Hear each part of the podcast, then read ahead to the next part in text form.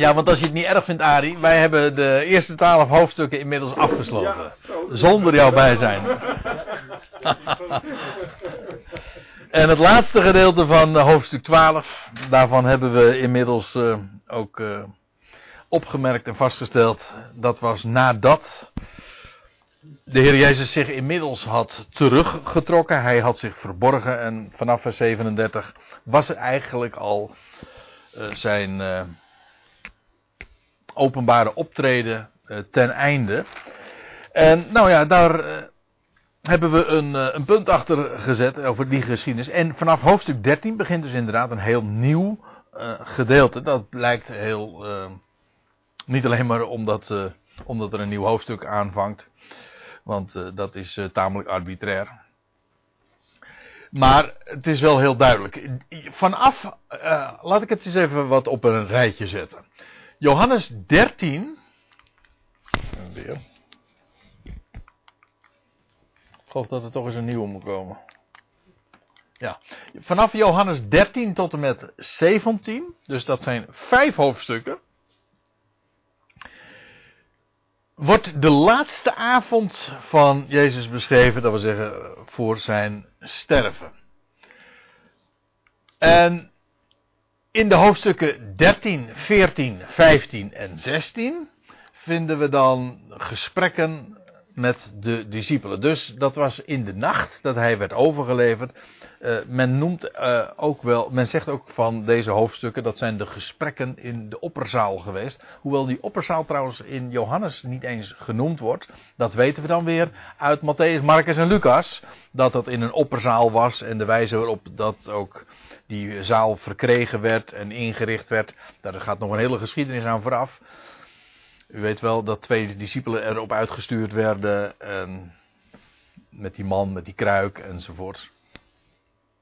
Dat wordt allemaal in Johannes niet vermeld. Er wordt alleen maar, uh, die avond wordt dan uh, aangegeven en de maaltijd komt er straks nog even op terug. Maar nergens wordt het zo uitgebreid beschreven als in het Johannesevangelie. Dat wil zeggen, die avond en dat wat er is besproken. En op een typische Johanneswijze wordt het dan ook allemaal weergegeven. Het zijn de gesprekken met de discipelen in een viertal hoofdstukken. Nou, heb je het weer zeg. Wat is dat toch? En, op, hè? op op. Ja, maar ik heb hem onlangs nog uh, vervangen, dus ik vrees dat het dan toch iets ernstiger is. Maar goed. In Johannes 17 zijn het dan weer geen niet de gesprekken met de discipelen, maar is het gebed tot de Vader. Johannes 17, u weet, dat is dat uh, beroemde gebed. Het wordt meestal genoemd het hoge priesterlijk gebed. Dat is hoofdstuk 17. In Johannes 13 en 14, dat zijn want dat moet ik eigenlijk dan voor de volledigheid erbij zeggen. Dat zijn de gesprekken in de opperzaal. En vanaf hoofdstuk 15 zijn het, eh, is, het wel nog, is het wel de laatste avond voor Jezus sterven. Maar inmiddels wel buiten de opperzaal. Dus het is niet, wat ik zojuist zei, is niet helemaal correct. Dus dat de hoofdstuk 13 tot en met 16 allemaal in de opperzaal heeft plaatsgevonden. Nou, het is, ik doe het maar zo.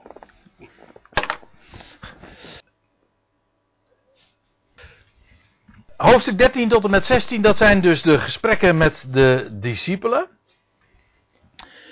En waarvan hoofdstuk 13 en 14 in de opperzaal plaatsvinden. Dat weten we heel uitdrukkelijk, want in, dat begint in hoofdstuk 13 met de maaltijd en dan aan het einde, in hoofdstuk 14 vers 31, dan staat er dat de heer Jezus zegt, uh, staat op, laten we van hier gaan.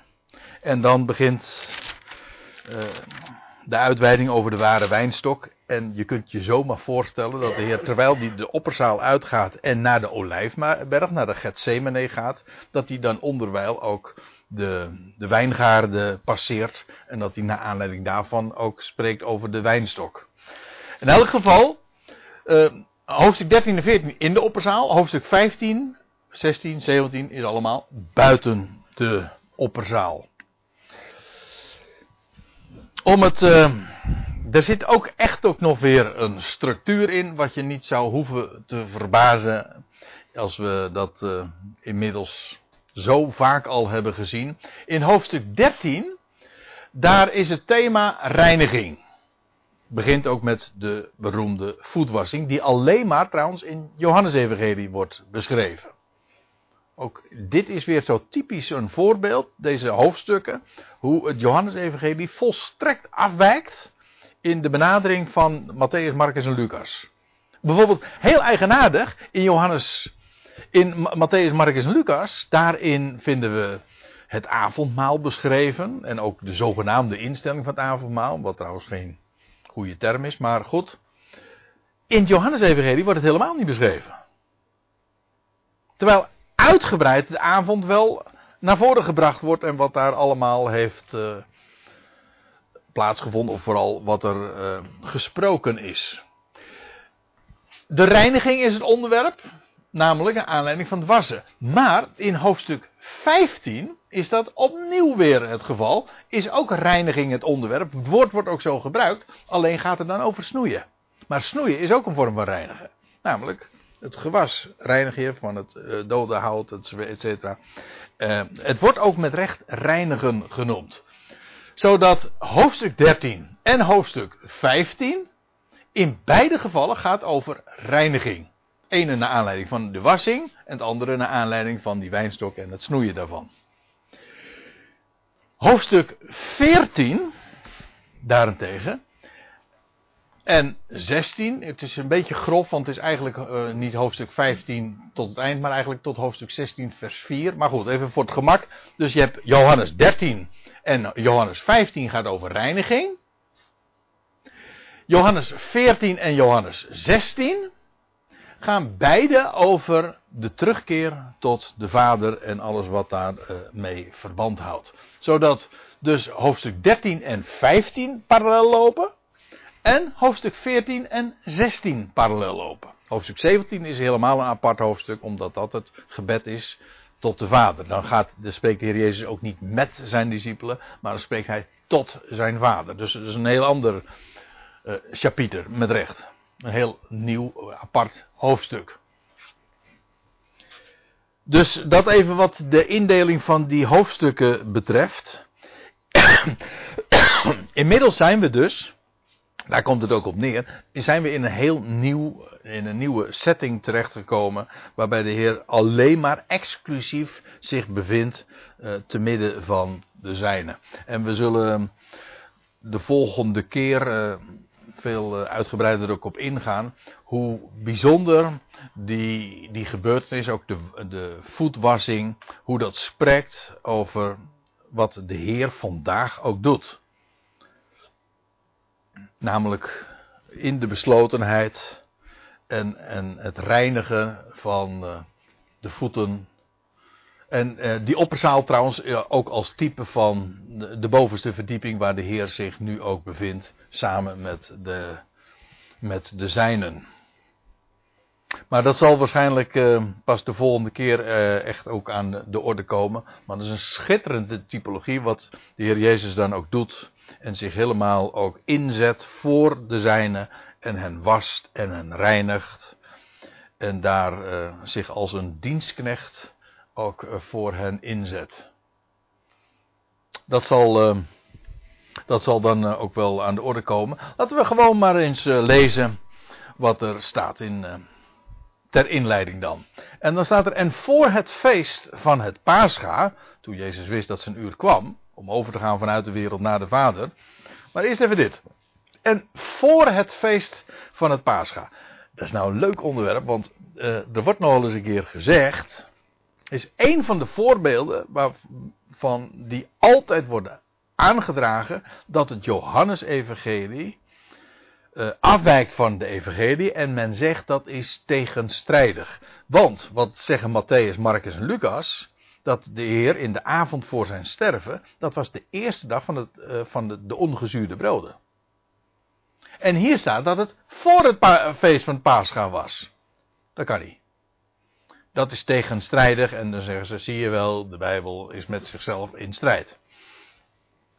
In werkelijkheid is het een een voorbeeld van de nauwgezetheid van de schrift, waarbij de precisie juist aan het licht komt. Laten we het eens uh, wat nader bezien. Want het was de 14e Nisan. Ik zal het eventjes wat duidelijker maken. Je hebt dus de 14e Nisan, dat is de dag van het Pascha, het lam, de dag dat het lam geslacht wordt. Daarop volgend had je dus uiteraard de 15e Nisan. En dan een week lang werd het feest van de ongezuurde broden gevierd. Ik zal het even laten zien, want in Leviticus 23 wordt dan gezegd. In de eer, dat wordt dus al tegen via Mozes aan het volk Israël meegedeeld. In de eerste maand, op de 14e van de maand, tussen twee avonden, is het Pascha voor Yahweh. Die uitdrukking tussen twee avonden, dat is een beetje een lastige, maar eigenlijk betekent dat. Dat is eigenlijk net zoiets als onze uitdrukking tussen de middag. Voor de origine is de middag gewoon ja, het midden van de dag. Dus 12 uur. Dus dan heb je de middag en je hebt voor de middag en na de middag. Vroeger werd het ook zo gezegd, hè? de voormiddag en de namiddag. En de voormiddag is dan de ochtend en de namiddag is wat wij nu altijd de middag noemen. Maar eigenlijk is het niet de middag. De middag is namelijk 12 uur. En, en daarna is het de namiddag. En vandaar dat wij nu nog zeggen, tussen de middag gaan we eten. Dus, maar tussen de middag betekent tussen de voormiddag en de namiddag. En dus op het midden van de dag. Maar eh, tussen twee avonden is eigenlijk hetzelfde verhaal. Dat is het idee ook tussen twee avonden. Tussen de vooravond en de naavond. Voor de avondschemering. Het was, in de praktijk was dit gewoon ehm, eh, tegen, ja, in de avondschemering. En dan had je een periode ervoor en daarna. Maar goed, uh, die details doen even nu niet zoveel ter zake. Het gaat er vooral om, de 14e van de maand uh, is het Pascha voor Yahweh. Dan zou het lam geslacht worden. En staat er, op de 15e dag van deze maand is het feest van de ongezuurde broden voor Yahweh. Zeven dagen zullen jullie ongezuurde broden eten. In de praktijk uh, was er al een dag daarvoor ook ongezuurde broden, maar was het nog niet het feest van de ongezuurde broden. Kijk, en dat is nou het hele grote verschil. Die veertiende was nog niet het feest. Dan, dan was het, brood, was het uh, huis al helemaal gereinigd en was er geen zuurdesem meer in huis. Is trouwens tot op de dag van vandaag al zo. Ook de veertiende is al geen zuurdesem meer in huis. Ja, kijk naar jou, Therese. Jij weet het wellicht nog. En, en op de 14, maar, en de dag dat het lam geslacht wordt, is feitelijk geen feest. Feitelijk is dat ongeveer een beetje vergelijkbaar met onze Goede Vrijdag. Is eigenlijk ook geen feest. Misschien een hoogtij, maar geen feest. Feest is pas met Pasen. En hier in dit geval, uh, de 14e is het Pascha. En dan vanaf de 15e van deze maand is het feest van de ongezuurde broden. Daarvoor was er misschien ook een ongezuurd brood. Maar het is nog niet het feest van de ongezuurde broden. En dan wordt het verhaal eigenlijk heel uh, simpel. Want dan krijg je dus. En voor het feest van het Pascha voor het feest. Je moet eigenlijk de nadruk leggen dan op het woordje feest. En voor het feest van het Pascha. Toen Jezus wist dat zijn uur kwam. Dus dat betekent. Het was de dag van Pascha. Maar het feest van het Pascha zou pas een dag later plaatsvinden. Het, ja, het Paasfeest eigenlijk ja. En vandaar ook trouwens, je leest in de, in de maar vooral in de andere evangeliën, dat de leidslieden van het volk, die hadden haast bij de kruisiging. Want ze wilden namelijk dat het voor het feest zou zijn. Voor, het feest zou aanbreken. En de, de Sabbat ook, want, want ja, dat was ik nog even vergeten te zeggen. Op die vijftiende van die, eh, dat was eigenlijk een, ongeacht op welke dag die ook zou vallen. Maar dat was een rustdag. Een, het, het gold als een Sabbat. Dus of het nou op een zaterdag was of niet. Maar de vijftiende was een Sabbat. Staat, eh, als je nog een vers verder leest in Leviticus 23, wordt dat er heel uitdrukkelijk ook bijgezegd. Zou mij geen slaafse arbeid verrichten. Nou, dat was de vijftiende dan. En vandaar ook dat ze de Heer Jezus voor de vijftiende gekruisigd wilde hebben. Want ja, op de vijftiende mocht er geen arbeid verricht worden. En de kruisiging, ja, dat zou dan uh, daar uiteraard niet in passen. Er was dus haast bij. Uh, bij, bij het hele proces. Maar dat betekent dus dat de Heer Jezus uh, in de avond, voor zijn kruis, voor, voordat hij gekruisigd werd, was naar Joodse maatstaven de 14e al aangebroken. Hè? Want u weet, een Joodse dag wordt gerekend, of een Joodse datum, wordt gerekend van avond tot avond. Van de Sabbat is van vrijdagavond tot zaterdagavond. Nou, zo is de 14e van de maand. Begint in de avond eerst. Die was nu net aangebroken. En de dag erop zou het lam geslacht worden. Nou, het was dus met recht voor het feest van het Pascha. Dus totaal geen tegenstrijdigheid. Integendeel, het komt exact overeen met, niet alleen maar met de andere evangeliën. Maar ook met zoals uh, God dat via uh, Mozes al uh, had bepaald bij het volk Israël. Het is natuurlijk ondertussen een, een geweldig ding om je te realiseren dat God dus al precies de, de dag ook had bepaald waarop het paascha geslacht zou moeten worden. De Heer wist dat ook. Mijn uur is nu gekomen. Dit was de dag. En je begrijpt ook dat de emoties, ook voor de Heer als mens, uh, hoog. Hoe zeggen ze dat? De emoties waren. Uh, ja, gespannen. Ja. Uh, waren hoog opgelopen, dat, dat, bedoelde ik, ja. Dat lees je ook, dat de Heer diverse keren ook. dat hij geëmotioneerd is, ontsteld, ontroerd is in de geest. Want ja, wat er allemaal nu uh, zou gaan gebeuren op die bewuste datum al. Die, want de datum was al inmiddels aangevangen. De 14e. Toen Jezus wist dat zijn uur kwam. Nou ja, daar had ik het dus over. Want de datum was reeds aangebroken. De 14e. Om over te gaan. Dat is typisch weer zo'n Johannes manier van formuleren. Om over te gaan vanuit de wereld naar de Vader um, uit de wereld. Dat zou de veertiende zijn. Dat zou namelijk de dag zijn dat hij stierf. Toen ging hij uit de wereld, lijkt mij nogal duidelijk. En dat hij naar de vader zou gaan. Ja, je zou kunnen verdedigen van ja, maar hij heeft toch op de dag van zijn kruisiging al gezegd van vader in uw handen beveel ik mijn geest. Maar ik denk niet dat dat de gedachte is. Ik denk dat hij, dat als hier dit zo gezegd, uh, dat hij, het gaat er maar niet alleen om dat hij zijn geest overgegeven heeft aan de Vader, maar hij zelf zou naar de Vader gaan. En dat gebeurde een, drie dagen later, namelijk op de 17e Nisan. De dag van de eerstelingsscharven, dus van die eerstelingsschoof. En dan zou hij, je leest ook dat de Heer Jezus zegt uh, tegen Maria op de dag van, uh, in die vroege ochtend, als Maria hem dan wil vastpakken, omdat ze denkt dat het de tuinman is, dan zegt hij: uh, Hou me niet vast, want ik ben nog niet naar mijn vader opgevaren. Hij zou namelijk diezelfde dag nog naar de vader gaan. Dus wat onbekend natuurlijk. Het zal. Uh, Pinkster op één dag, hè? Pasen en Pinkster op één dag, ja. Ja. Ik, ik bedoel, zijn, zijn officiële, meer. Definitieve hemelvaart vond pas 40 dagen later plaats. Maar hij is op die dag al naar zijn vader gegaan. Trouwens, in die 40 dagen dat hij iedere keer verscheen, was hij ook niet voortdurend hier op aarde. Hij verscheen iedere keer, maar hij was niet uh, voortdurend, uh, hield hij verblijf bij zijn discipelen. In ieder geval, uh, hij ging uit de wereld op de 14e en naar zijn vader op de 17e Nisan. En de Heer wist dat, dat dat allemaal nu zou gaan gebeuren. En dan staat erbij zo'n prachtige mededeling. Hij had de zijne lief. Hij wist dat zijn uur kwam. En dat dit zou gaan gebeuren. En ondertussen had hij de zijne lief. Die in de wereld waren. Hij zelf zou de wereld verlaten. Maar hij had de zijne lief. Die in de wereld waren. Hij had een lief. Tot in het einde.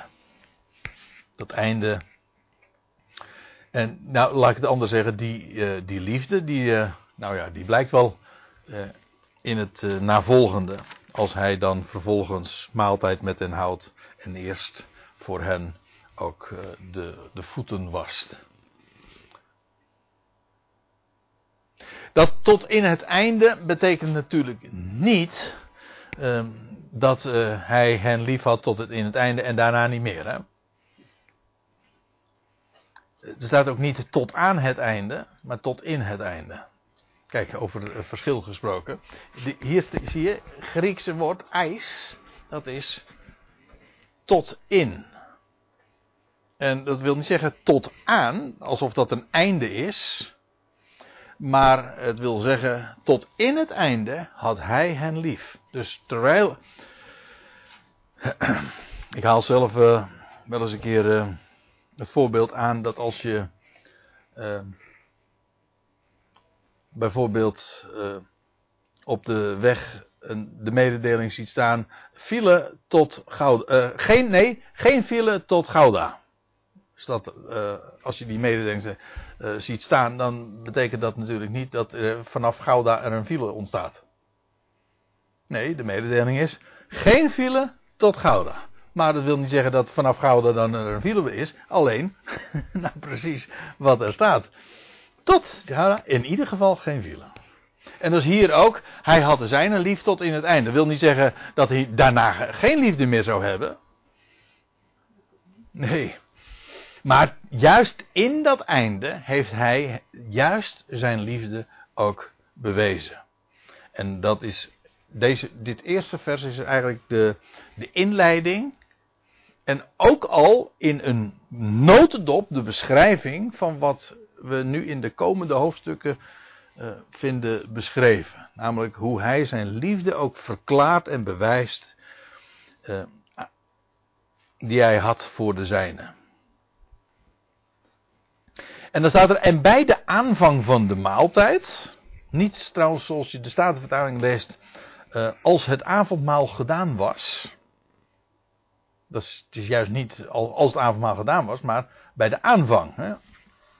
Je ziet dat ook uh, hier wordende. Terwijl het, het avondmaal, uh, terwijl men de maaltijd aanving, toen dat begon,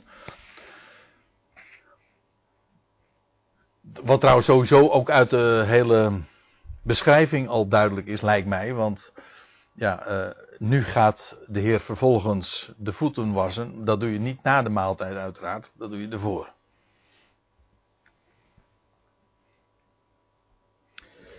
Uh, die, wat die maaltijd trouwens betreft, dit.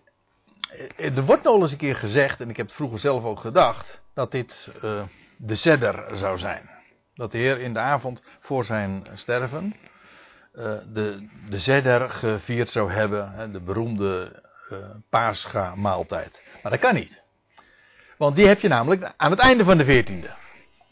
Niet aan het begin, want juist op de, uh, de dag die daarop zou volgen, dus de, de veertiende, zou het lam geslacht worden. En dat zou vervolgens dan in de avond Eigenlijk dus al in de avond van de 15e, ja, dat is wat ingewikkeld. Maar in ieder geval na de 14e zou dat worden gegeten. Maar dit is nog de avond die voorafgaat aan de veer, of die uh, voorafgaat aan de slachting van het paascha. Dus dat kan nooit de, de be, beroemde seddermaaltijd zijn. Het was wel een, het was wel het pa, het was wel een maaltijd van het paascha, dat wel. Want eigenlijk al die maaltijden uh, waarin ongezuurd brood werd gegeten. En gedurende die hele week van Pesach, van het begin tot het eind, heet allemaal, dat zijn gewoon maaltijden van het Pascha. Dus niet. Het was dus wel uh, al een ongezuurde maaltijd. Maar nog niet het feest. Het was ook niet uh, de zedermaaltijd. Maar in ieder geval. Uh, ik zei al, Johannes maakt sowieso geen melding van ook de instelling van het, uh, van het avondmaal. Ik zeg dat er eventjes bij, maar die, de, instelling, zo wordt het heel vaak genoemd, hè. Maar feitelijk weten we dat de Heer helemaal niets heeft ingesteld. Hij heeft, hij heeft alleen gezegd, toen hij het brood nam, wat hier dus verder niet beschreven wordt, hij zegt, doe dit tot mijn gedachte is. Dat zei hij ook over de beker. Maar dat was niet een, eh, een instelling van de maaltijd. Hij hield een instelling. Een instelling die al pakweg 15e eeuwen oud was. Hij hield een instelling en, altijd dacht men terug aan de, ooit de bevrijding uit, Jeruz uh, pardon, uit Egypte. Daar dacht men aan en nu zegt hij: Doe dit tot mijn gedachtenis. Dus hij stelde niet een maaltijd in. Hij hield een instelling, een bekende Joodse, of zo u wil, Israëlitische instelling. En nu zei hij: Denk aan mij. Want daarop heeft het betrekking. Maar hij stelde niks in. Later is het Paulus die dan daar nog wat andere dingen over vertelt. Maar uh, een, van een instelling van een maaltijd is absoluut geen sprake. Ondanks dat men het allerwege wel zo noemt. Over uh, misverstanden gesproken. Hè? Ja, en dan staat erbij, en bij de aanvang van de maaltijd toen de diabolos, want ik laat het liefst gewoon onvertaald. Je zou kunnen zeggen de duivel, maar dat komt eigenlijk van diabolos. Maar ik vind het mooie van het woord diabolos, voor zover er iets moois aan hem is. In ieder geval, de term uh, maakt heel duidelijk wat, wat, hij eigenlijk doet. Namelijk door elkaar gooien. Dia, door, één. En dat bolos, dat is uh, ons woord bal, werpen. Uh, hij, hij werpt. Er staat trouwens hier helemaal, zie ik ineens, valt me nu op. Uh, het is met recht hij wierp, want toen de diabolos reeds in het hart van Judas Iscariot had geworpen. En dan staat er inderdaad hier ook weer een woord dat samenhangt met bal. Werpen. Hij had het in het hart van uh, Judas Iscariot geworpen. Namelijk dat hij hem zou overleveren. Met andere woorden, Judas Iscariot wist toen al wat hij ging doen. Dat weten we ook want uh, Judas heeft dat idee, dat plan al opgevat na de salving te Betanië. Dat was al een paar dagen voor, nou ja, dat was de tiende. De tiende van de maand. Toen is hij, dan lees je, dat, dat staat trouwens ook niet in het Johannes-evangelie, maar in Matthäus 26 vers 14, dat, dat, Matthä, dat uh, Judas na die gebeurtenis naar de overpriesters is gegaan met het plan, of in ieder geval met de afspraak, of dat toen meteen al helemaal uh, afgesproken was, maar in ieder geval de eerste keer is hij daar naartoe gegaan en uh, is daar de afspraak gemaakt dat hij Jezus zou overleveren. En we hebben al uh, veel eerder een keer erover gehad, herinner ik me, hier ook. Waarom hij dat ook deed, namelijk om Jezus te forceren. Want hij, wil, hij kon het niet zetten dat Jezus zich zo willoos overgaf. Hij wilde nu dat juist uh, Jezus zich zou gaan opwerpen als de Messias. En hij dacht dat als hij hem nou zou overleveren, dan forceerde, zou hij hem daartoe forceren. In ieder geval, uh, Judas had dat idee al wel, maar de omstand, de andere discipelen wisten daar helemaal niks van. Dat blijkt ook wel uh, uit, deze, uit ditzelfde hoofdstuk. Want dan zeggen ze allemaal van, ze zijn allemaal verbaasd als de heer Jezus al hints geeft van iemand, gaat, iemand van jullie gaat mij overleveren. En allemaal vragen ze, hm, wie dan? Jezus wist al uiteraard ook dat de Vader hem alles in handen had gegeven en dat hij van God uitging en naar God heen ging. Nou, dan staat er, en hij kwam overeind van de maaltijd en hij legde zijn klederen af en hij nam een lindendoek en omgorde zichzelf. Maar ik zie dat we hiermee natuurlijk weer een, een, een heel nieuw gedeelte en een nieuw onderwerp aanraken. En ik vind het, zou het zonde vinden om dat, nu eventjes in een paar minuten tijd uh, te gaan uh, bespreken. Want er is heel wat over te vertellen. Hoe ontzettend mooi het is. Wat hier op die hogere verdieping, dus niet meer op het aardse niveau, maar met recht in die zaal boven, wat de Heer dan doet met de zijnen. En hoe dat ook een type is van wat de Heer vandaag daar in de hemel doet. Namelijk zich overgeven voor de Ecclesia.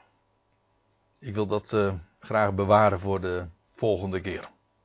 Het is een prachtige typologie, een prachtige verwijzing vinden we daarin ook. Maar goed, de eerste aanzet van uh, hebben we inmiddels van hoofdstuk 13 onder ogen gehad. Wanneer het was. En, eh, en wat er vervolgens plaatsvond, dat uh, parkeren we gewoon voor de, de volgende keer. Dat is uh, de 31 januari.